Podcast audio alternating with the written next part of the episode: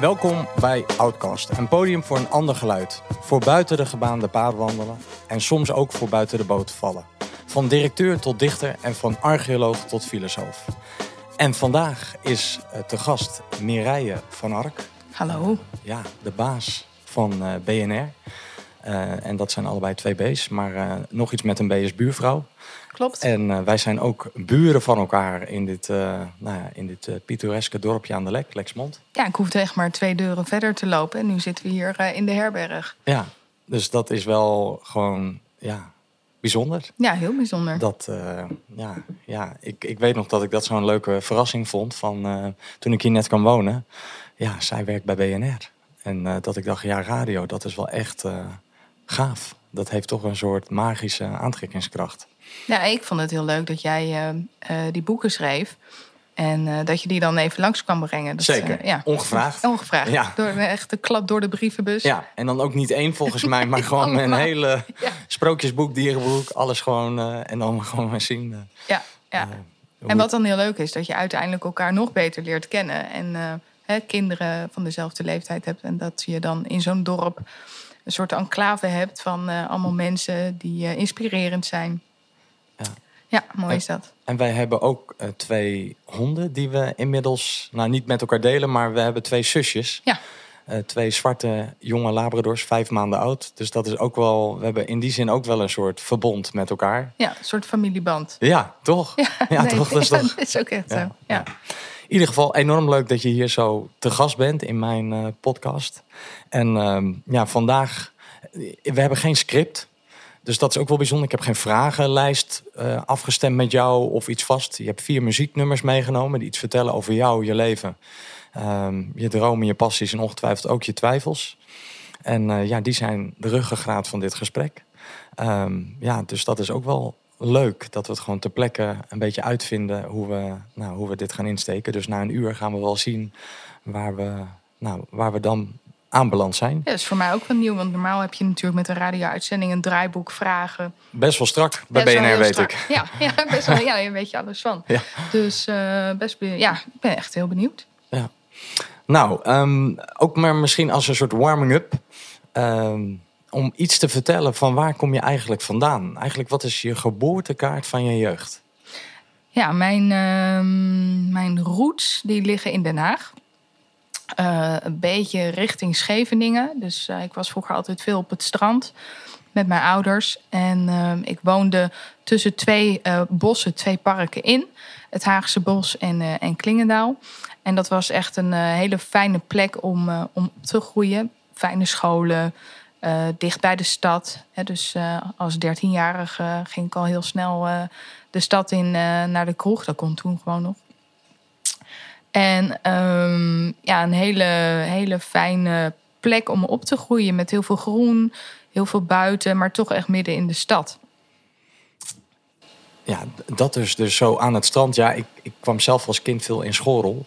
Dus ja, als je dat zo voor me schetst, dan denk ik, hé, hey, dat klinkt wel redelijk idyllisch. Ja. Om zo op het strand. En, en wie waren je ouders? Wat, wat deden zij? Werkten ze ook bijvoorbeeld in Den Haag? Ja, mijn vader uh, uh, was politieman. En uh, hoofdinspecteur bij de politie in Den Haag. Um, en dat was altijd heel spannend. Want ik weet nog bijvoorbeeld dat Bush een keer toen uh, aankwam. Uh, en dat de hele weg van Wassenaar naar Den Haag was afgezet. En hij moest dat dan helemaal regelen en organiseren. En dan zag ik op tafel allemaal plattegronden liggen van hoe het allemaal moest en beveiligd moest worden. Dat vond ik echt heel, heel, heel interessant. Maar ook, ja, hij vertelde natuurlijk niet heel veel over zijn werk, want dat kan niet. En dat, dat vertel je ook niet aan je kinderen. Maar hij zorgde er wel, hij wees mij wel op alle gevaren die er waren. Dus hij had natuurlijk zoveel meegemaakt in zijn werkende leven. Dat uh, ik wel altijd moest oppassen voor dit of voor dat. Of, uh, Zoals wat dan? Nou, wat? bijvoorbeeld, uh, ik moest echt altijd de deur vijf keer op slot draaien. Of terwijl ik hem heel vaak even open liet staan. Wat in Den Haag ook niet zo handig is. En in dit dorp wel wat makkelijker precies, kan. Precies, precies. Nou, ook als hij hier is. Ik weet bijvoorbeeld als hier Sinterklaas bijeenkomst is. Ja dan gaat hij terug. Want dan vindt hij vervelend dat het hele dorp daar zit. En dan heeft hij het idee van, stel dat... Ja, dus hij dit zijn de momenten om dan in te breken. Helemaal ingeprent. Uh, hij let altijd op alles. En uh, ziet alles. En uh, met autorijden. Nee, dat is, dat is heel grappig. Dat is een soort, toch een soort beroepsdeformatie. Ja. En je moeder? Ja, die zat in de lokale politiek. Dus in de gemeenteraad in Den Haag. En uh, ja, ik denk, mijn moeder was een van de eerste ZZP'ers in Nederland in de jaren tachtig. die begon voor zichzelf en die ondersteunde ondernemingsraden. En dat doet ze nog steeds. Ze is 70 en ze werkt eigenlijk nog fulltime. Ook uh, nog hetzelfde, bij dezelfde organisaties. En, en ze was echt een feminist. Dus zij ging met de trein naar China toen, naar die vrouwenconferentie met de Trans-Siberië Express. En dan ging ze twee weken lang op reis. En mijn vader zorgde dan voor ons. Oh, ze had dus ook al kinderen. Want ja, dat vind ja, ik, Want dat, je denkt, nou, als je nog geen kinderen hebt, dan onderneem je makkelijker dat soort avonturen. Ja. Maar dit is wel helemaal dan. Uh...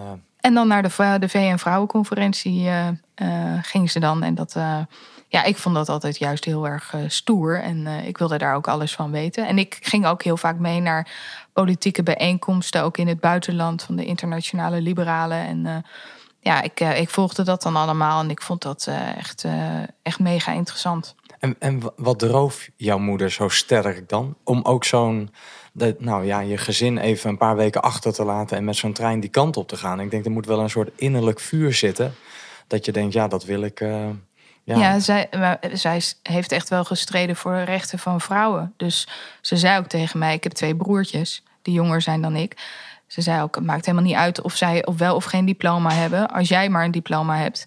Ehm, en ehm, ja, dat is wel echt het minste uh, wat ik voor je kan doen, zeg maar. Zorgen dat er inhameren, zodat het ook uh, gaat lukken. En, en wat heeft jouw moeder dan meegemaakt? Dat ze daar zo'n vurige drive op had? Ja, ik kom uit een familie waar alle vrouwen heel, op de een of andere manier heel zelfstandig moesten zijn. Dus heel vaak bij de, naast de vrouw viel de man weg door bijvoorbeeld uh, vroeg overlijden. Hè? Dat is bij mijn oma zo geweest, bij mijn moeder, uh, maar ook inmiddels bij mij. Ja, dat is wel heel bijzonder. Dat is echt, uh, echt, echt bizar als je dat bedenkt, hoe die vrouwenlijn in elkaar zit ja. aan die kant. Ehm, maar dus altijd geleerd om onafhankelijk te zijn. En die onafhankelijkheid is denk ik daardoor gekomen dat mijn oma ook werkte. die, ehm, ik weet nog heel goed dat mijn oma met pensioen ging en dat er een heel groot feest was bij haar op haar werk. En ik kende de collega's van mijn oma en eh, ik vond dat uh, altijd wel, wel stoer. Uh, en mijn moeder uh, had dat ook, die, die werkte ook veel en die vond het ook echt heel leuk. Dus die, die leefde ook echt voor haar werk. En uh, het was niet dat ze dacht van, nou, ik moet er geld mee verdienen. Of nee, ze vond het echt heel erg leuk. En, en, jij was de oudste in je gezin. Was je moeder ook de oudste? De enige was mijn moeder, ja, enigst kind. Ja, dus de, ook de oudste daardoor ja. automatisch. Ja. Maar het is niet, ik denk niet uit een soort verantwoordelijkheidsgevoel ontstaan, maar meer echt om omdat, je, omdat ze zag dat uh, ja, vrouwen het soms gewoon heel ingewikkeld hadden en zo afhankelijk waren van hun partner. En dat, uh, dat was iets wat ze, wat ze eigenlijk nooit niet wilden. Ja. Nee, dat zat er sterk in. Ja, dat zat er heel stevig in. ja. Wat grappig dat dat dan ook, of nou grappig, uh, ook bijzonder dat dat in je eigen leven dan zo in één keer weer terugkomt. Ja, ja. Uh, heel ongepland en onbedoeld, maar dan in één keer sta je ook alleen. Ja, heel onbedoeld, maar wel dus met een bagage waarvan ik denk, ja, ik kan er wel verder mee. Ja. He, dus het heeft me wel echt iets, nu iets opgeleverd en dat is natuurlijk heel fijn. Ja, je staat er niet alleen in. Nee, maar er zit misschien ook wel een negatieve kant in dat je het, uh, soms te ambitieus bent en uh, soms te veel voor jezelf. Hè? Dat je ook niet meer toestaat dat andere mensen voor je zorgen. Dat is de andere kant ja, ervan. Het leunen op een ander uh, en je daarin kwetsbaar kunnen voelen, dat is dan eventjes soms wat lastiger. Want je bent gewoon heel erg gewend, ik doe op mijn eigen. Precies, ja, dus daar worstel ik altijd wel mee. Ja, ja, ja. we hebben al. Wat zeg je? Nou, wel iets waar, waarvan je dan waar je over nadenkt en ja, dat dat dat. dat dat dat misschien ook best wel eens fijn zou zijn, maar dat dat, dat inderdaad niet van nature in je zit. Nee, nee. En we hebben allemaal zo een diepe loyaliteit naar onze ouders toe en uh, naar het gezin waar we uit voortkomen. En in jouw geval in het Haagse. Ja. Uh, en uh, nou, je hebt muziek meegenomen. Ja. Dus nou, wellicht dat je het eerste nummer kunt introduceren, want dat is wel echt Haags. Heel Haags van de Reigers. En um, dat is een groep die eigenlijk pas de laatste jaren toen is ontstaan. Uh, zingt ook over, of uh, maakt liedjes over Den Haag, maken liedjes over Den Haag. Um, het is een beetje met een knipoog. Het gaat over meisjes uit Den Haag, dat die de allerleukste zijn. Zijn ze En- natuurlijk ook. Precies, maar het gaat ook over de, de groep vrienden die ik toen had. De, de vrouwen, nu dan, maar, en toen de meisjes waarmee ik omging. Dat was echt een hele bijzondere groep.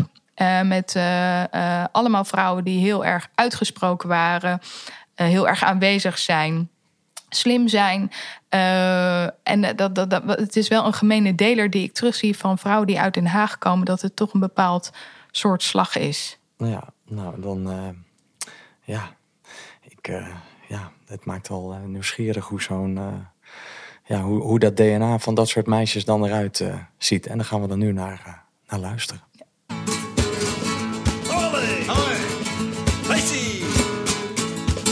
Allermooiste van de hele wijde wereld zijn de meisjes uit Den Haag. Ja, zat er zeker wel. Zo'n hele mooie Siciliaanse. Ja, zelfs de allermooiste Spaanse. De Haagse meisjes die verslaan ze. En de allermooiste van de hele wijde wereld zijn de meisjes uit Den Haag. Gaan we naar Spanje toe en vraag ze. Wil jij zo'n chica van Haagse? Ik weet het wel. Nou, dat is gewoon geen vraag. De allermooiste van de hele wijde wereld zijn de meisjes uit Den Haag. Het zijn de meisjes uit Den Haag. Het zijn de meisjes uit Den Haag. Het zijn de meisjes uit Den Haag. De allermooiste van de hele wijde wereld zijn de meisjes uit Den Haag.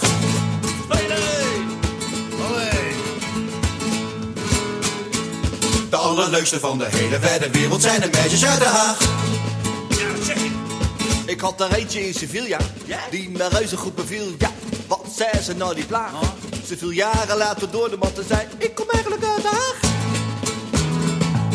Ze zijn best papa in Granada, ik probeer er een paar dagen. Maar het is voor mij geen vraag. De allerleukste van de hele wijde wereld zijn de meisjes uit Den Haag. Officieel waar. Het zijn de meisjes uit Den Haag. Het zijn de meisjes uit Den Haag. Het zijn de meisjes uit Den Haag.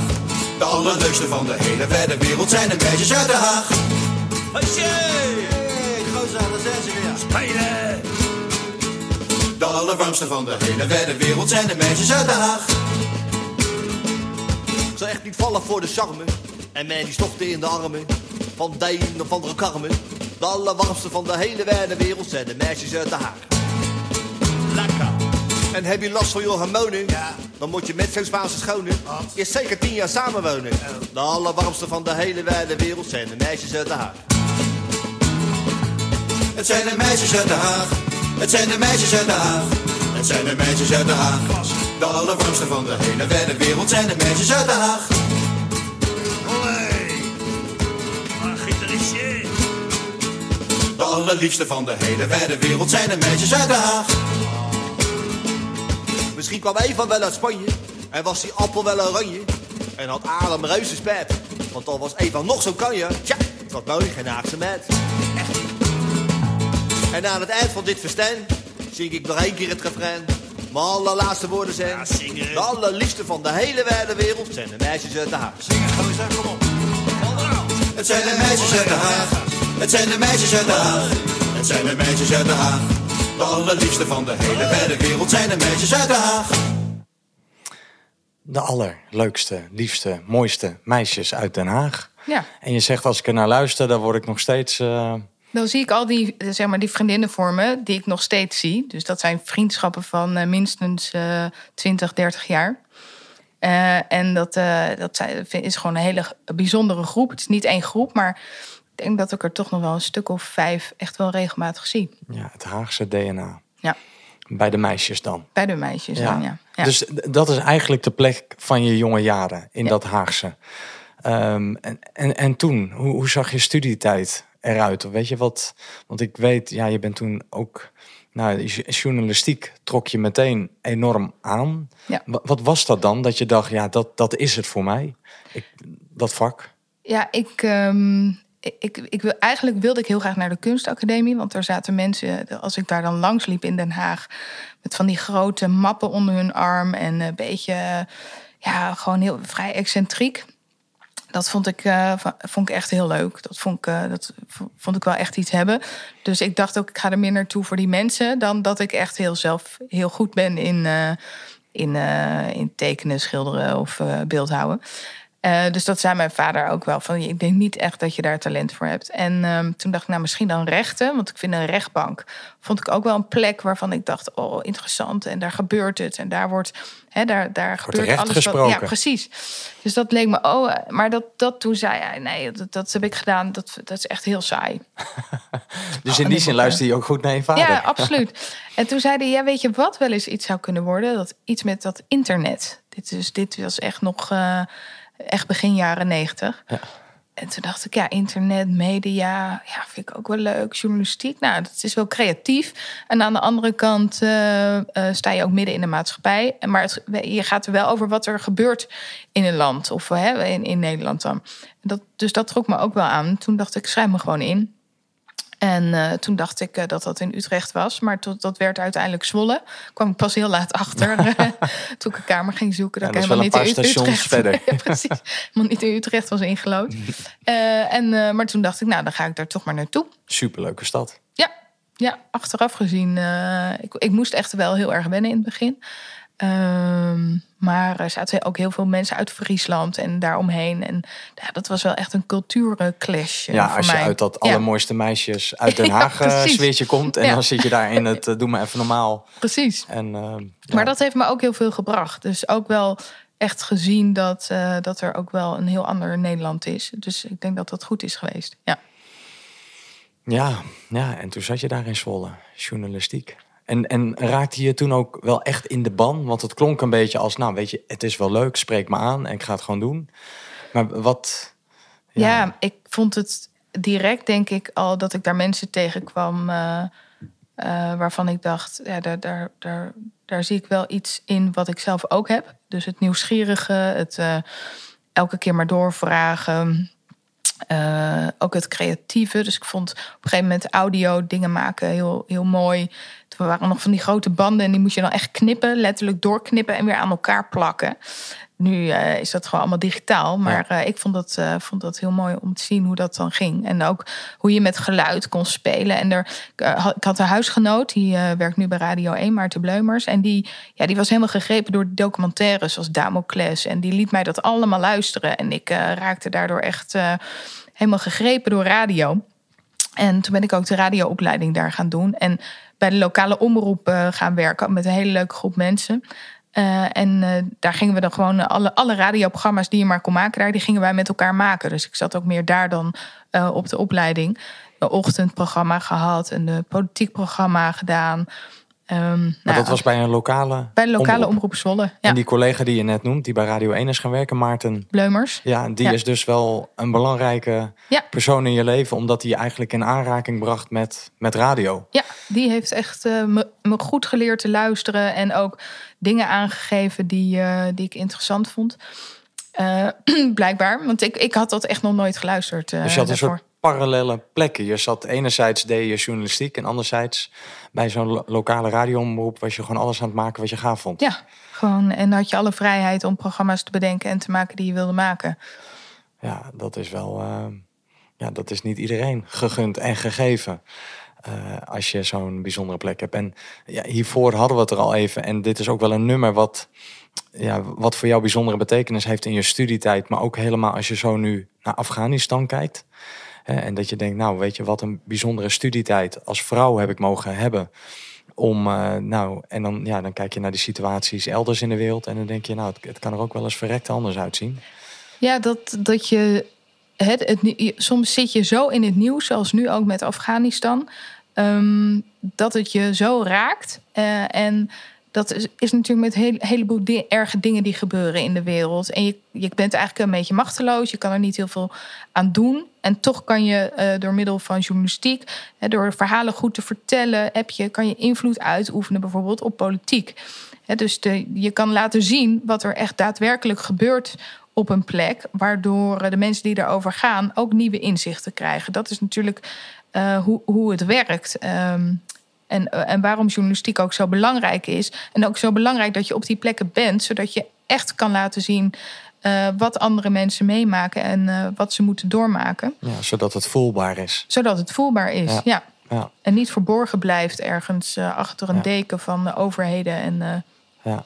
En dit, het, het volgende nummer wat je hebt meegenomen lijkt er ook wel een beetje over te gaan. Want dat gaat ook over het voelbaar maken. Ja. Hè? eh, dus dat, nou ja, wellicht dat je iets over kunt vertellen. Over eh, Something Inside So Strong.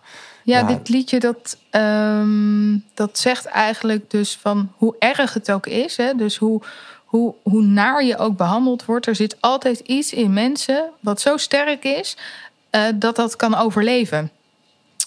En dat, dat gegeven vind ik heel interessant. Want er zijn een heleboel mensen die onder hele moeilijke omstandigheden leven.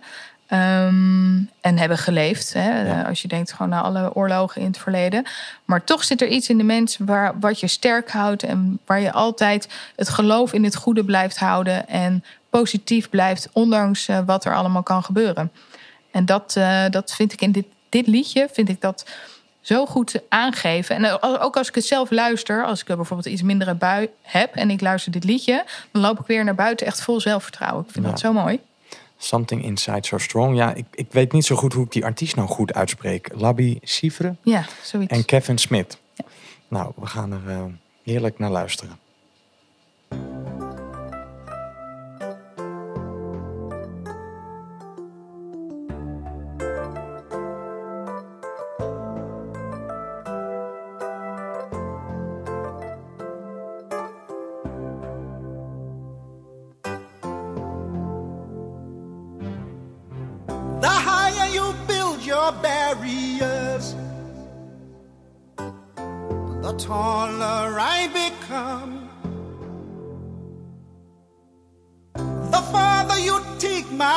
Away, the faster I will run. You can deny me, you can decide to turn your face away. No matter, cause there's something inside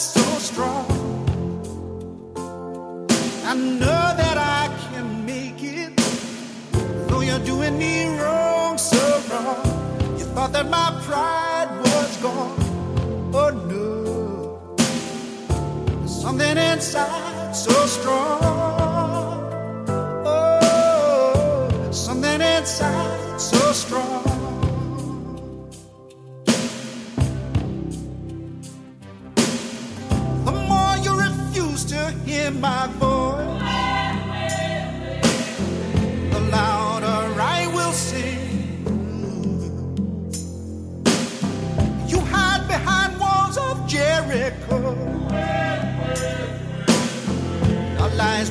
Tumbling. Deny my place and time. You squander wealth that's mine. My light will shine so brightly it will blind you. Cause there's something inside so strong, so strong. I know that I can make it. Doing me wrong, so wrong.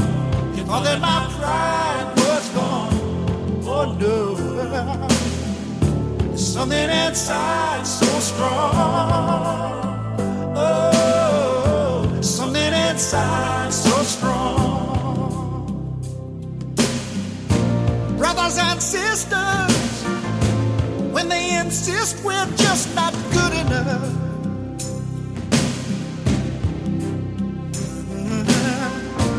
When we know better, just look them in the eyes and say, We're gonna do it anyway. We're gonna do it anyway. Something inside so strong. And I know that I can make it. Though you're doing me wrong, so wrong. You thought that my pride was gone. Oh no. Something inside so strong. Oh, something inside so strong.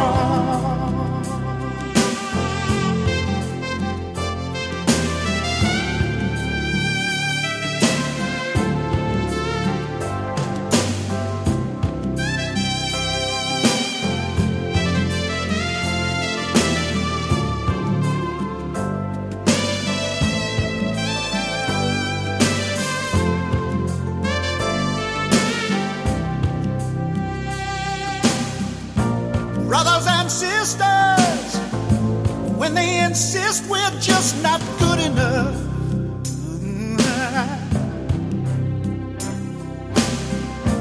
When we know better, just look them in the eyes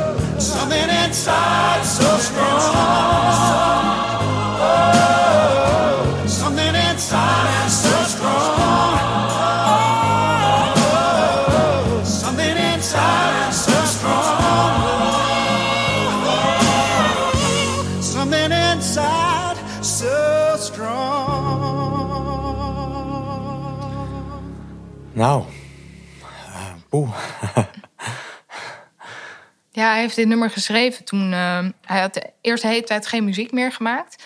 En toen, eh, zo'n 1984, 85, eh, met de apartheid... op het moment dat er op een gegeven moment een kind was doodgeschoten... toen heeft hij dit nummer geschreven. Maar het is eigenlijk toepasbaar op alle situaties, zeg maar... waar onrecht is in de wereld. En vooral kinderen, vrouwen onderdrukt worden... Ehm, en dat geeft zo eh, mooi aan eh, dat, dat er altijd een vlammetje is. In iedereen lijkt het wel, waardoor je dat soort dingen toch eh, probeert te boven te komen. Ja, en ook soms bouw je natuurlijk ook zelf muren in jezelf. Dus Ja. het, het gaat natuurlijk over iets externs. Hè? eh, mensen die weigeren om een stem te horen. Ehm, of deny my place in time. Die je plek ontkennen in tijd. Ja. Maar ja, soms ontken je zelf iets in jezelf ook. Snap je? Dus er zit ook een soort dubbele laag in dit liedje. Of eh, ja, Ja. just look them in the eyes. Weet je, het gaat natuurlijk niet alleen over de ander, maar ook over jezelf. Het leven in de ogen aankijken. Ja, ja en ook eh, wat, ik, wat ik zelf ook heel sterk wel heb, is dat op het moment dat iemand die muur voor jou hoger maakt, dat je er toch, dat je er zelf ook weer langer door wordt. Dus je, en als iemand eh, eh, je, je stem niet hoort, dat je harder gaat praten of harder gaat zingen. Dat je, en dat, dat zit natuurlijk ook heel erg in, eh, in mensen. Om, eh, wat denk ik ook in dat soort situaties heel goed is. En ik, ik- ik- kijk, ik luisterde dit nummer ook. Hè? Dus toen jij dit nummer had uitgekozen, ik, ja, ik was zelf, ik, ja, ik was gewoon gek op die jaren tachtig muziek. Ook met Billy Ocean en Ja. Lionel Richie. Ja, maar ook Elton John, George Michael. Ja, ik was best wel sentimenteel in die zin. Dus dit waren die wel nummers die mij heel veel eh, voeding gaven, kracht gaven in een tijd dat dat ik ook echt het gevoel had, hey, mijn stem wordt onvoldoende gehoord. Dat had, gevoel had ik op school, ik werd gepest. Ja. Ik had het op straat. Eh, nou, wellicht dat ik het soms ook wel eens thuis had of in de familie had. Dus eh, heb jij ook zoiets meegemaakt dat je denkt, ja, ook ik werd daarin soms klein gehouden of mijn stem werd niet gehoord? Ik denk wel dat ik op een, ik zat dus op een vrij strenge middelbare school, waarin ik Een volgens mij christelijke school? een katholieke school, Oh, katholiek. ja. En dat ik echt wel vond dat dingen anders moesten of anders konden, maar dat eh, daar was geen ruimte voor. Dus ehm, en ehm, het- in, inmiddels wat minder, maar toen was ik echt wel ervan overtuigd dat ik dan gelijk had. Eh, en eh, dat ik het eh, inderdaad vervelend vond wanneer mensen daar, ja, daar niet eens even naar wilden luisteren, zeg maar. Wat dan een andere mogelijkheid zou kunnen zijn. Of, En dat had je bij docenten, maar ook bij scholieren wellicht of bij klasgenoten? Nou, vaak wel bij volwassenen. Ik vond het heel fijn om met, al heel vroeg met volwassenen mee te praten. En als ik dan niet serieus werd genomen, omdat ik nog maar twaalf was, dat, dat zat me dan erg dwars. Ja. Ja. nee, dus ja, ja. Nou ja, het- dus allebei in die middelbare schooltijd wel. eh, ja, nou ja, ik had ook dergelijke ervaringen. Dat je dan denkt, ja, en dan ik luisterde dan in het donker in mijn herinnering. Ik had dan zo'n zelfgemaakte stereotoren op, de, ja, op het tapijt in mijn slaapkamer. Ja, dat ging wel op zielsniveau kwam dit binnen. Weet Ja. je, dat je dacht, nou, Ja, ik ben ook nooit geroemd om mijn goede muziekkeuze of zo hoor, door eh, vrienden of. eh, maar, is, zou dit dan een goede of slechte muziekkeuze zijn? Ja, wat jij zei, het is natuurlijk een beetje sentimenteel. Ja, Dat, een beetje eh, guilty, guilty pleasure-achtig eh, gehalte. maar Precies, ik denk, ja. ja, ik vind het net zoals Marvin Gaye ook. Ik denk, ja, dat is toch fantastisch. Ja, maar ik denk ook op een gegeven moment, dan schaam je er ook niet meer zo voor. Dan denk je, Nee. ja, het is nou eenmaal zo. En Ja. Ja. er hoeft niemand mee te luisteren Nee. eh, in de auto. Dus eh, Nee, zeker niet. zo erg is het ook weer niet. En over smaak valt niet te twisten. Precies. Soms wel, maar eh, in dit geval niet. Ja, en dan, dan zo in die studietijd, dat radio. Nou, en dan beland je zo op het einde van zo'n... Ja, wa- waar ben je toen eigenlijk? Want je hebt ook iets met culturele studies natuurlijk nog gedaan in Amsterdam. Religiestudies. Ja, religie. toen ben je van Zwolle, Ja. waar je, nou, ik denk vier, vijf jaar hebt gezeten. Klopt. En toen reisde je in één keer naar Amsterdam toe. Ja, wel naar natuurlijk het ja, centrum. ja, ik heb daarvoor nog een jaar in Brussel gezeten. Toen heb ik eh, de Europese Unie wilde ik heel graag leren kennen. Dus vanuit Zwolle ben ik eerst eh, nog een jaar naar Brussel gegaan. Eh, heb daar heel veel, ja, heel veel rondgelopen. Ben daar gewoon heel veel geweest in het Europees Parlement. En vond ik ook een hele mooie plek. Beetje in de voetsporen van je moeder. Ja, ja, ja. Maar ik vond ook dat internationale en al die landen die daar samenkwamen op zo'n openbare plek. Ik ben gewoon, ik denk ook wel dol op openbare plekken. Dus bijvoorbeeld zo'n eh, parlement of eh, een rechtbank of eh, gewoon waar, waar dingen gebeuren. Ehm, een bibliotheek vind ik ook heerlijk. Kan ik ook echt uren doorbrengen. Maar ehm, nee, en toen ben ik inderdaad naar Amsterdam gegaan. En ben ik gaan stage lopen bij de NCRV. En eh, bij Radio 1. En eh, toen ja, zag ik ook dat het nieuws maken, eh, dat ik dat erg leuk vond. En dus een gesprek bijvoorbeeld met de politicus, waar, waarin je dan toch een uitspraak pro- probeert te ontlokken als redacteur. En op het moment dat een presentator dat dan ook lukt, dat je daar heel veel voldoening uithaalt. Dat vond ik eh, bijvoorbeeld met Hans Dijkstal destijds. eh, heb ik ooit een gesprek opgezet. Mijn allereerste gesprek. Dat weet ik nog zo goed. En dat was ook echt nieuws. En eh er rende iemand zo naar zo'n. toen printer toe om het nog even te typen, naar het ANP te, te faxen. Ja. Zo ging dat echt nog. En dat vond ik eh, Vers van de pers, hè? Vers van de pers, ja. Ja. Dat vond ik echt eh, waanzinnig leuk. Maar ook Ja. nieuwsverhalen maken. Mooie, ja, goede verhalen die ook ja, echt wel impact hadden. Dat, eh, dat, ik vond dat magisch. Gewoon dat je dan van achter je bureau mensen sprak, zo'n verhaal kon maken. En dat dan vervolgens kamervragen worden gesteld. Ja, dat vind ik nog steeds... Ik denk dan, iedereen wil dat toch worden. Ja, Ja. maar dat moet toch een- zo'n kick geven. Dat, dat, ja. Ja. Ja, nou, en, en jij was ook liever backstage dan onstage, toch? Dus je zat liever dat aan de achterkant te maken, te beïnvloeden en de touwtjes aan elkaar eh, te knopen, dan dat je per se nou eh, met je gezicht eh, in het vizier wilde. Ja, ik denk ook wel dat ik, nou ja, dat, dat ik daar ook wel eerlijk naar mezelf toe was. Dat ik daar niet de meest geschikte persoon voor was. Dat anderen dat beter kunnen. Want? Ja, die vond ik ook beter. Ik hoorde dat ook wel aan mezelf. Dat op het moment dat ik achter die microfoon zat, dat er niet iets gebeurde of zo. Of niet, eh, het was, ja, ik kon er best naar luisteren, maar het was niet eh, geweldig of zo. Nou, dan denk ik ook wel dat je eerlijk naar jezelf moet kijken en denkt, nou, dat is misschien dan niet iets voor mij. En dan blijkt dat je achter de schermen eigenlijk veel krachtiger bent eh, dan, dan daarvoor. Dan haal je daar uiteindelijk natuurlijk ook veel meer voldoening Nee, uit. dat klopt. Dat dan klopt. dat je een gevecht gaat leveren voor iets waarvan je eigenlijk zelf wel weet dat het toch geen zin heeft. Nee, ik denk alleen maakt hij jezelf wellicht niet onnodig te klein. Snap je? Je kunt ook kritisch zijn naar jezelf toe en dat een ander zegt, eh, je bent juist fantastisch. Je moet wat meer vertrouwen in jezelf ja, maar dat hebben. hadden ze dan wel even moeten zeggen Oké, ja, dat is niet gezegd dus. Nee, dat is niet nee. gezegd. Nee, dus dat heeft ook niet Nee, geholpen. precies. Nee. Toen dacht je, nou, ik hoor het ook al niet. Ik hoor en ik, en ik vind het zelf ook. Er is Nee. niemand die enthousiast reageert. Nee, Nou. laat ik het dan maar niet doen. nee. En dat gebeurde wel als je achter de schermen. Absoluut, ja. Ja, Ja, ja. ja, Ik heb eh, één uitzending, weet ik nog heel goed, heb ik gemaakt. Was ik zo blij dat die eindredacteur dat, eh, dat wilde maken. Zijn we op zoek gegaan naar één dag afgelopen eeuw. Zeg maar van 1900 eh, af. ehm, waarop er nergens ter wereld oorlog was. Die vraag had ik echt.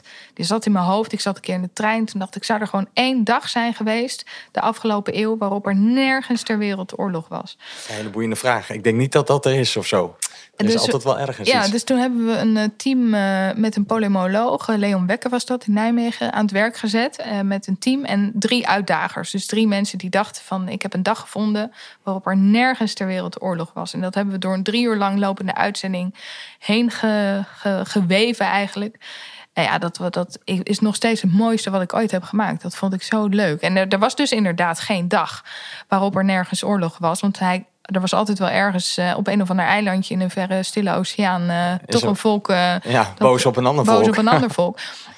En ik weet nog dat er die dag daarna een recensie in de krant stond van iemand, van een recensent. Die zei: Ik ben in de auto blijven zitten omdat ik het zo spannend vond om te weten hoe dat nou afliep. Ja, en dat, dat, dat alles bij elkaar, dan denk ik, ja, dat maakte mij veel krachtiger dan dat ik achter die microfoon zat. En daarvan zeg je nu nog steeds, dat is het mooiste wat ik ooit dat is het heb mooiste gemaakt. wat ik ooit heb gemaakt. Ja. Want, Nou, dat was namelijk ook echt wel eerst nog even de kunst om het te mogen maken op Radio 1. Moet je je voorstellen, drie uur lang op Radio 1, zo één vraag. Dat, dat deden we eigenlijk niet.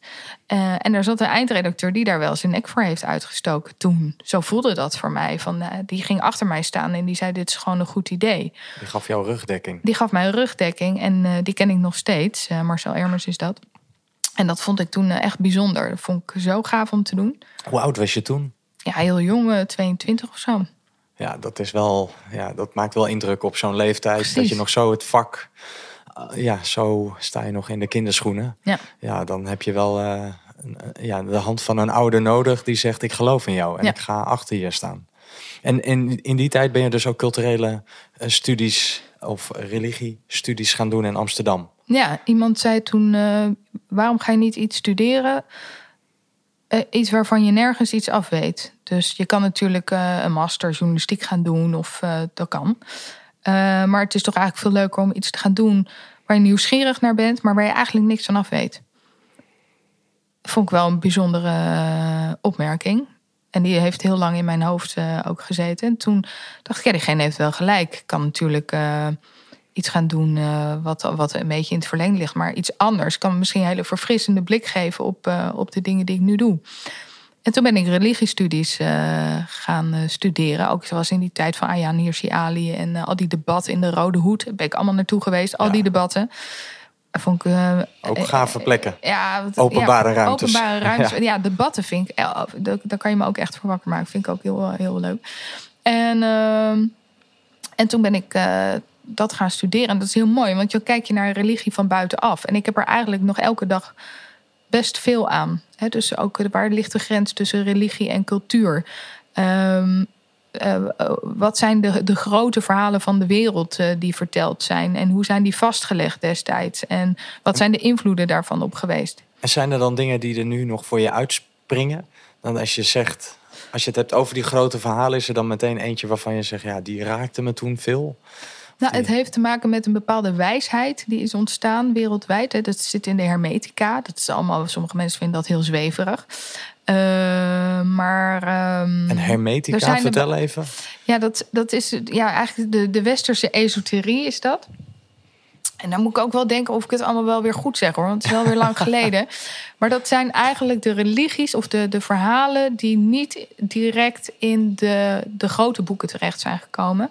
Maar misschien al wel eerder er waren. En waar dus de verhalen uit in die grote religies weer uit zijn voortgekomen. archetypische Ja, oerbronnen ja, waar die verhalen weer op eh, ja, gefundeerd eh, zijn. Ja, en daar hebben allerlei andere. Dus het sterrenstelsel heeft daar. eh, in één verhaal is het sterrenstelsel daar bijvoorbeeld belangrijk in. Maar ook, ook vrouwen hebben daar weer een belangrijke rol in gespeeld. Nou, en die ver, hè, dus of het waar is of niet. Maar ik, die verhalen, dat vond ik interessant. Dat ik dacht, er zijn veel meer verhalen.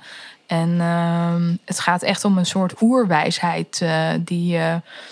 Eh, die in een soort. Ja, je kon toen alleen natuurlijk maar verhalen vertellen. Want je had nog niet heel veel om op te schrijven. Geen boeken en dat soort dingen. En hoe dat is ontstaan, dat vond ik interessant. Dus hoe, hoe die bepaalde. Hoe wijsheid, zeg maar, van heel vroeger is doorgegeven in verhalen. eh, uiteindelijk terechtgekomen in religies. En nu, eh, als ik nu het nieuws kijk, dan denk ik, ja, is dit nou religie of is dit cultuur? En hoe duid je dat verschil tussen religie of cultuur? Ehm, cultuur is, is eigenlijk. Dus religie kan ook weer cultuur worden door ehm, dat. Ja, dat is echt heel moeilijk om aan te geven. Maar eh, dat is eigenlijk iets wat gewoon van generatie op generatie wordt overgegeven. En wat cultuur ontstaat eigenlijk doordat mensen in bepaalde dingen doen in een groep. En dat is niet omdat ze daarin geloven, maar dat is gewoon meer uit gewoonte of omdat het zo hoort of omdat ze zo opgegroeid zijn. Ehm, maar goed, het is een hele smalle scheidslijn. Ja. En dus het is heel interessant om te zien eh, waar die dan eh, ligt. Ik zit even te zoeken naar een goed voorbeeld. Ja, want het christendom is natuurlijk zo verweven ja, in, in onze samenleving, in de, in de westerse samenleving, katholieke kerk ja. natuurlijk. Maar bijvoorbeeld het huwelijk. Dat is ooit, ooit bedacht in een tijd dat iedereen eh, dat het een beetje chaos werd op een gegeven moment. En toen heeft, hè, er is er een institutie geweest die bedacht heeft van nou, we moeten dat huwelijk. eh, dat is handig. Gewoon een man en een vrouw bij elkaar. Ja, even een moment, een markeringsmoment. Precies. En die gaan dan verder. En die blijven ook bij elkaar. Dus ga ook heel streng doen. Als ze iets anders doen dan bij Ja. elkaar blijven, dan worden. Ja, en dat bestaat dus nu nog steeds. Maar dat is ooit bedacht.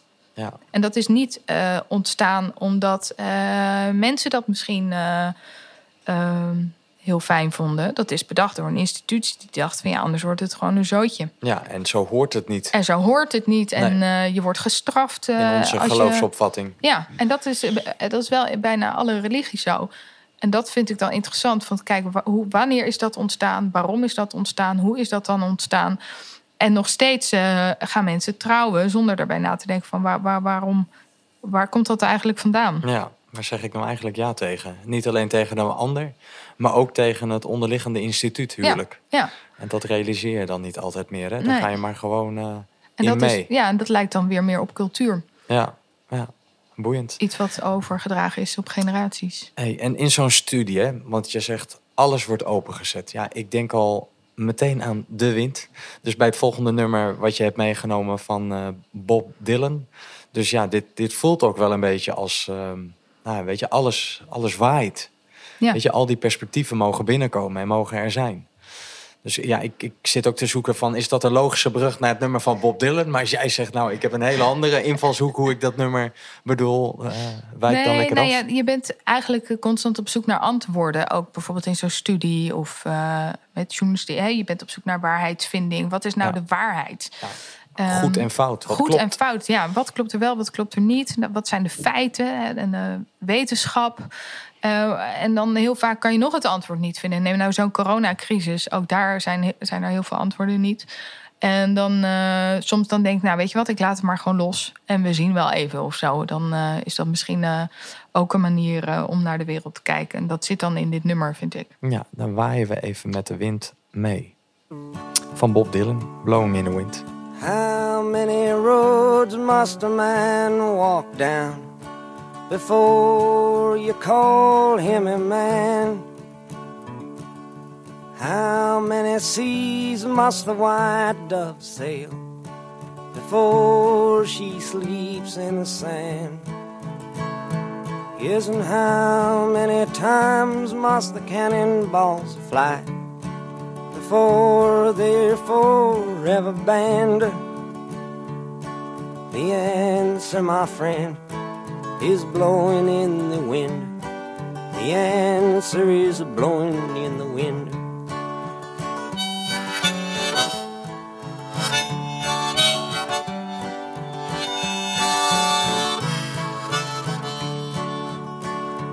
Yes, and how many years can a mountain exist before it is washed to the sea? Yes, and how many years can some people exist before they're allowed to be free? Yes, and how many times can a man turn his head and pretend that he just doesn't see? The answer, my friend, is blowing in the wind. The answer is blowing in the wind.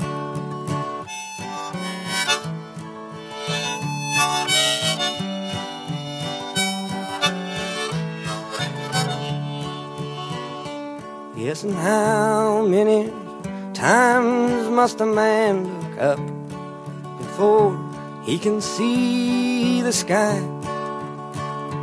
Yes, and how many ears must one man have before he can hear people cry? Yes, and how many deaths will it take till he knows that too many people have died? The answer, my friend, is blowing in the wind.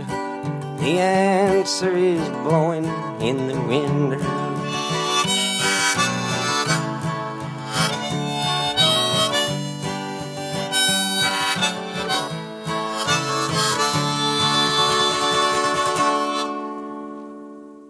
Ja, the answer is blowing in the wind.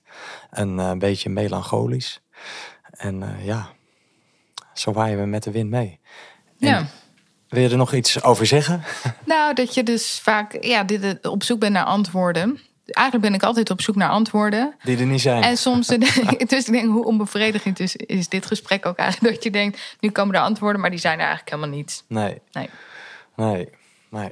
nee. Hey, en, en die wind waaide jou ook een bepaalde kant op. Die gaf je een duwtje in de rug. En soms misschien wel eens een, eh, in het gezicht. Maar laten we even vanuit gaan in je rug. En toen belandde je bij BNR. En eh, ja, nu ben je zelfs beland in de stoel dat je dan, ja, dat klinkt dan formeel. En ik, ik ken jou zo ook helemaal niet. Eh, hè, maar dan ben je dan de baas van, eh, ja, van BNR. Van, nou, ook een bijzondere plek. En jij en ik hebben allebei iets met leiderschap. Dus ja, ja waar, waar let jij dan op voor jezelf? Dat je denkt, zo wil ik graag zijn in het contact met andere mensen. Ik denk dat dat ehm, te maken heeft met inspiratie, met energie en met verbinding. Dus op het moment dat je voor een groep mensen staat, dat, je, dat ze je kennen en dat ze zich verbonden met je voelen als leider. Dat dat eh, niet eh, vervreemdend is, maar eh, dat ze iets voelen bij een leider waarvan ze denken dat vind ik fijn of dat vind ik prettig. Ehm, het zit ook heel vaak, denk ik, dus op gevoel. En tuurlijk op prestaties en op resultaten. Maar ehm, ik denk ook heel vaak eh, dat het eh, ook een, een, een, gevoel is in een groep. eh, waardoor je samen iets voor elkaar krijgt of, of niet. En Je hebt het zeggen wel eens over een positieve vibe. Ja, hoe komt dat dan? Ja, geen idee. Je zet de juiste mensen bij elkaar en iets werkt wel en iets werkt niet. Ja. En dat kan je in grafieken en allerlei systeempjes zetten. Maar iemand ehm, zag mij een keer aan het werk in een eh, vergadering. Ik zat bij iemand thuis te werken en die zei: Ja, jij doet gewoon alles op gevoel. Je hebt helemaal al die, eh, die boeken waar alles in beschreven staat in modellen. Die, dit, Dus die boeken had je helemaal niet nodig. Nee, Nee, dat was gewoon... ja, nou ja, omdat ja, ik denk dan ook niet, ik ga, daar, ik ga eens vanuit een model denken. Ik denk dan, oh ja, dit moet er gebeuren of dat moet er Ja. gebeuren. En dat is meer op intuïtie, denk ik. Ja, ja. En, en waar worstel je nog wel eens mee? Zo in je rol als, als leider, weet je? Want ja, het is ook zo'n woord wat door de eeuwen heen altijd fascineert. En we hebben ook een soort heldenverering soms ook in onze cultuur zitten.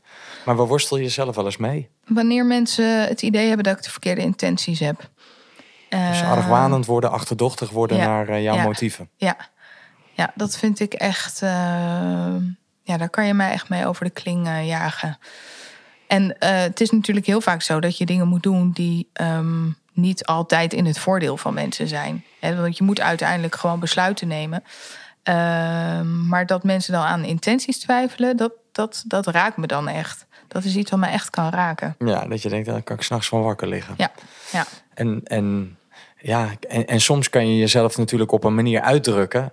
Wa- Waardoor je ook wellicht soms ook een beetje voeding kunt geven aan die achterdocht. Hè? Dus dat je ja, een, soort discrepantie ervaart tussen je intenties en je gedrag. Absoluut, ja. ja. Dus- En dat is iets wat je denk ik in de loop van de tijd moet leren. Van hoe komt dat dan dat eh, mensen toch achterdochtig worden... of eh, denken, er klopt iets niet. Of, eh, Of wat doe ik? of wat doe ik? Ja, ja. ja. Of het zit hem ook vaak in je eigen communicatie naar mensen toe. Ja.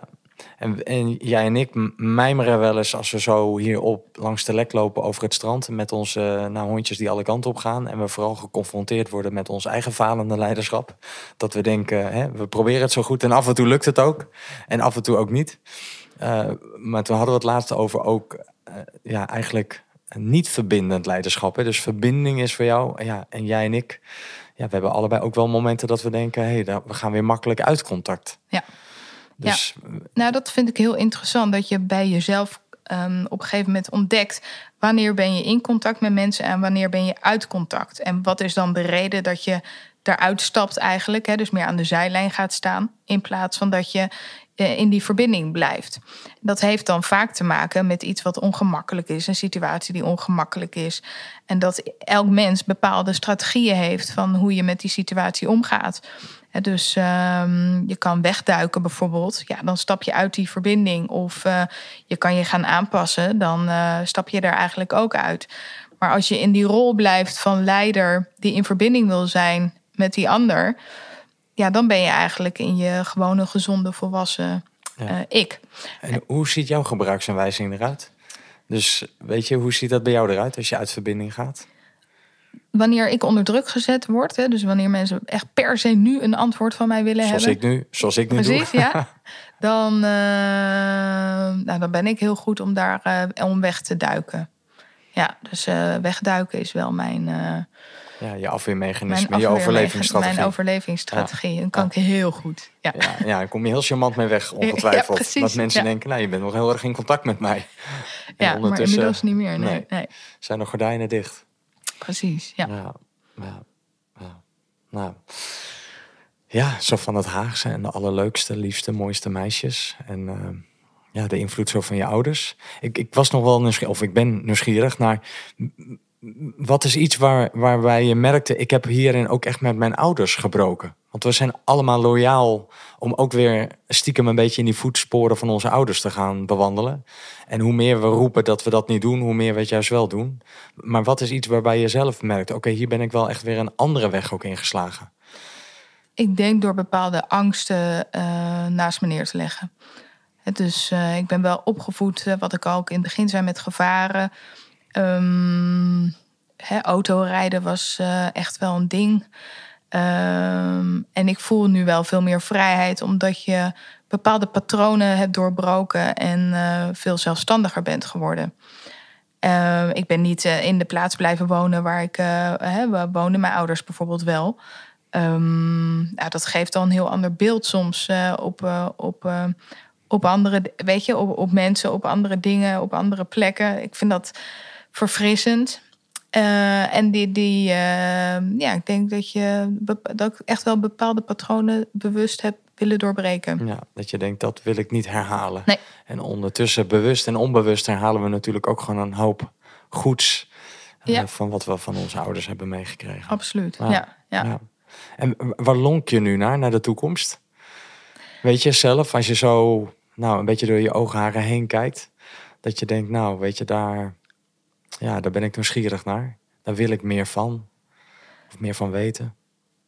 Ja, dat zit hem denk ik wel. eh, Dat het gevoel dat we in een nieuwe tijd belanden, ook ehm, mede ingegeven door zo'n coronacrisis, dat ik heel benieuwd ben naar hoe we de samenleving nog anders kunnen vormgeven of andere systemen. Ook als je nu ziet zo'n formatie, hoe vast dat loopt Hoe lang het duurt. hoe lang het duurt. Maar ook dat nergens staat dus beschreven eh, hoe, hoe zo'n formatie moet lopen. Dus er is een begin en een eind, maar ertussen mag van alles gebeuren. Vind ik dat ik denk, oh ja, een nieuwe, een nieuwe bestuur, een soort nieuwe vorm van bestuur. En misschien zelfs wel een nieuwe soort democratie. Allemaal heel verheven en heel Ja. groots dit. Terwijl, maar dat, daar, daar, daar verlang ik eigenlijk wel naar. Naar wat dingen die eh, veranderd gaan worden. Ja, dus daar zit nieuwsgierigheid op. Daar zit mijn nieuwsgierigheid. Nou, nou, nou, en we hebben allebei kinderen, dus daar zit ook natuurlijk iets in. Net zoals jouw moeder dat bij jou heeft geprobeerd. Van, eh, ja, weet je, maak er wat van. Eh, ja, doen we dat ook weer, willen we. Weet je, dus die grote vragen hebben niet alleen betekenis voor ons, maar ik voel het zelf ook sterk. Dat je denkt, ja, ik wil ook iets, je wil ook een wereld bouwen of achterlaten. Dat je denkt, hé, hey, daar kunnen mijn kinderen ook weer tot wasdom in komen. Ja, en die wereld is dan op een andere manier eh, weer beter dan eh, de wereld waar we nu bijvoorbeeld in leven. Ja. Ja, ja. Nou, nou, zo op aan het slot, zo bijna tegen het uur aan, eh, heb je nog wel een heel bijzonder nummer meegenomen die eigenlijk ook een beetje te danken is aan, jou, ja, aan jouw man, aan Joost. Ja, ja. Joost die is eh, twee jaar geleden overleden. En die ehm, eh, met hun door een fietsongeluk. Ehm, en dit liedje hebben we ooit samen een keer geluisterd. Ehm, hij had het ook van iemand gekregen. En eh, het is een liedje waar heel veel mensen heel ongemakkelijk van worden wanneer ze er naar luisteren. En dat maakt het zo mooi. Dat ik dacht, je zou maar zo'n liedje kunnen schrijven waar, waar mensen eh, misschien echt eh, ja, even bij zichzelf gaan denken: wat, wat moet ik hiermee? Ja, wat moet ik hiermee? Dus het, eh, het ontregelt even. Het, ontre het is een heel ontregelend liedje. En Was dat ook wat Joost er zo in aansprak? Ja, dat je zo op een andere manier kan kijken. Ehm, in de, ja, dit liedje gaat er gewoon eigenlijk over van hoe, hoe kijk je naar jezelf, hoe hou je van jezelf. Ehm, dus ik, eh, of, of er een waarheid in zit, eh, dat weet ik niet. Maar mensen die ik het laat horen, die zeggen: Oeh, ik word er gewoon eventjes eh, Ja, onpasselijk, van. onpasselijk van. Ja, van oh, als je, als, je dit, als je dit echt naar jezelf toe zou zingen, dan voel je het ook gewoon. Ja. Dat vind ik het liedje zo mooi maken.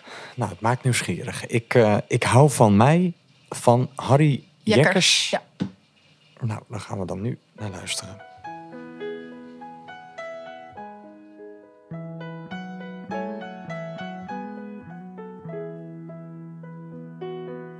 Ik hou van mij, hoor je nooit zingen. Ik hou van mij, wordt nooit gezegd. Maar ik hou van mij, ga ik toch zingen. Want ik hou van mij, van mij alleen.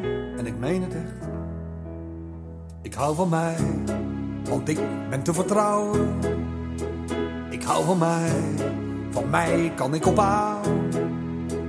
Ik hou van mij, op mij kan ik tenminste bouwen. Ik hou van mij en ik laat mij nooit meer gaan. Ik blijf bij mij en niet voor even. Ik blijf bij mij voor eeuwig en altijd. Ben zelfs bereid mijn leven voor mezelf te geven. Ik blijf bij mij totdat de dood mij scheidt. Ik hou van jou, zeg ik soms ook wel. Ik hou van jou en ik meen het. Maar ik hou van jou, zeg ik alleen maar voor de spiegel. Zo komt ik hou van jou weer bij mezelf terecht. Ik hou van mij, van mij, van mij en van geen ander. Want ik ben verreweg de leukste die je kent. Ik hoef mezelf zo nodig voor mij niet te veranderen. Ik hou van mij, mezelf gewoon zoals ik ben. Ik hou van jou, betekent meestal. Schat, hier heb je mijn problemen, los maar op. Leven en hel, ik verwacht van jou de hemel. Ja, jij geeft de hel weg, dankjewel zeg, rot lekker op. Want ik hou van jou is niet de sleutel tot de ander. Maar ik hou van mij, al klinkt het bot en slecht. Want wie van zichzelf houdt, die geeft pas echt iets kostbaars.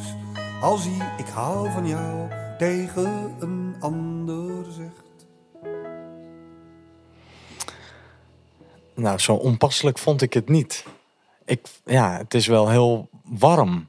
Van ja, ik wil jou niet met mijn eigen shit opzadelen, met de hel. Maar eh, weet je, ja, ik hou van jou, ik, ik hou van mij. Weet je, ik, voor eeuwig en altijd. Dus het is. Ja, ik denk dat het voor sommige mensen wel echt lastig is. Hè, van, Omdat? eh, nou, wanneer je eh, heel kritisch naar jezelf kijkt en kritisch op jezelf bent, dan, is dit, dan komt dit liedje echt wel binnen als: oh, dit kan ook. Ja. Ja. Ja. Ja. ja. Nou, we hebben ja, zo van alles heeft de revue mogen passeren. Dus ik ben een beetje aan het zoeken van... zit er een soort rode draad ook in die nummers die je hebt meegenomen? Zo'n Haags, zelfverzekerd... nou, wellicht tikkeltje brutaal-achtig ja, meisje. Nou, naar... ehm, natuurlijk ja, reverse, refuse to hear my voice. Weet je, en niet je stem willen horen, niet gehoord willen worden op zo'n middelbare school. En dat er muren worden gebouwd. Ehm, en wat je dan ook sterker wellicht weer maakt. En dan in zo'n fase komt van ja, ik wil antwoorden. Ik wil definitieve antwoorden. En dan zo'n zo'n nummer van Bob Dylan. Van, eh, nou, the answer is blowing in the wind.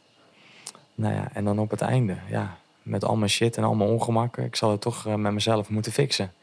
Dus ik, ja, ik hou van mezelf. Zit er voor jou nog zo'n draad in? Dat je denkt, ja, dat zit ook... Nou, je hinkt ook een beetje zo op twee gedachten of zo, of twee benen. Als je zo die nummertjes hoort, van het hele zelfverzekerde tot het, eh, nou, het twijfelachtige. En het, eh, Ja, ik denk ook toch wel misschien ook helemaal aan het begin dat je echt midden in de maatschappij staat en bepaalde antwoorden wil. En aan de andere kant toch een beetje dat kunstzinnige, dat, dat je het creatieve, dat je toch denkt, ja, hoe, ik wil mijn leven anders vormgeven dan, eh, ja, dan, eh, dan de mensen voor mij. Of, eh, en het mooi maken voor de mensen na mij. Dus dat dat er allebei wel in zit. Zowel een beetje het zakelijke, maar ook een beetje het filosofische en het idealistische. ja, ja. Mijn moeder zei altijd, ik ben een vat vol tegenstrijdigheden. Dus dat gevoel krijg ik ook een beetje bij dit. eh, ja, bij dit. Ja. Dat ik dan denk, ja, daar hebben we maar mee te dealen. hè. Ik hou van mij. Nou, ik wil je enorm bedanken. Heel erg leuk. Hier zo in de herberg als buren van elkaar. En elkaar al eh, nou, best wel goed kennen. Maar zo, ja, in zo'n podcast is dat toch weer net even anders. Met koptelefoons op eh, en met muziek die je hebt meegenomen. Dus dank je wel. Nou, jij bedankt. Ik vond het heel eh, fijn om hier te zijn. En eh, we gaan eh, zo de honden weer uitlaten. Ja, zeker. Laten we daarmee afronden met onze lieve honden. En onze bijzondere kinderen die ook nou Met ja, elkaar spelen. zeker weten. Dankjewel. En thuis bedankt voor het luisteren.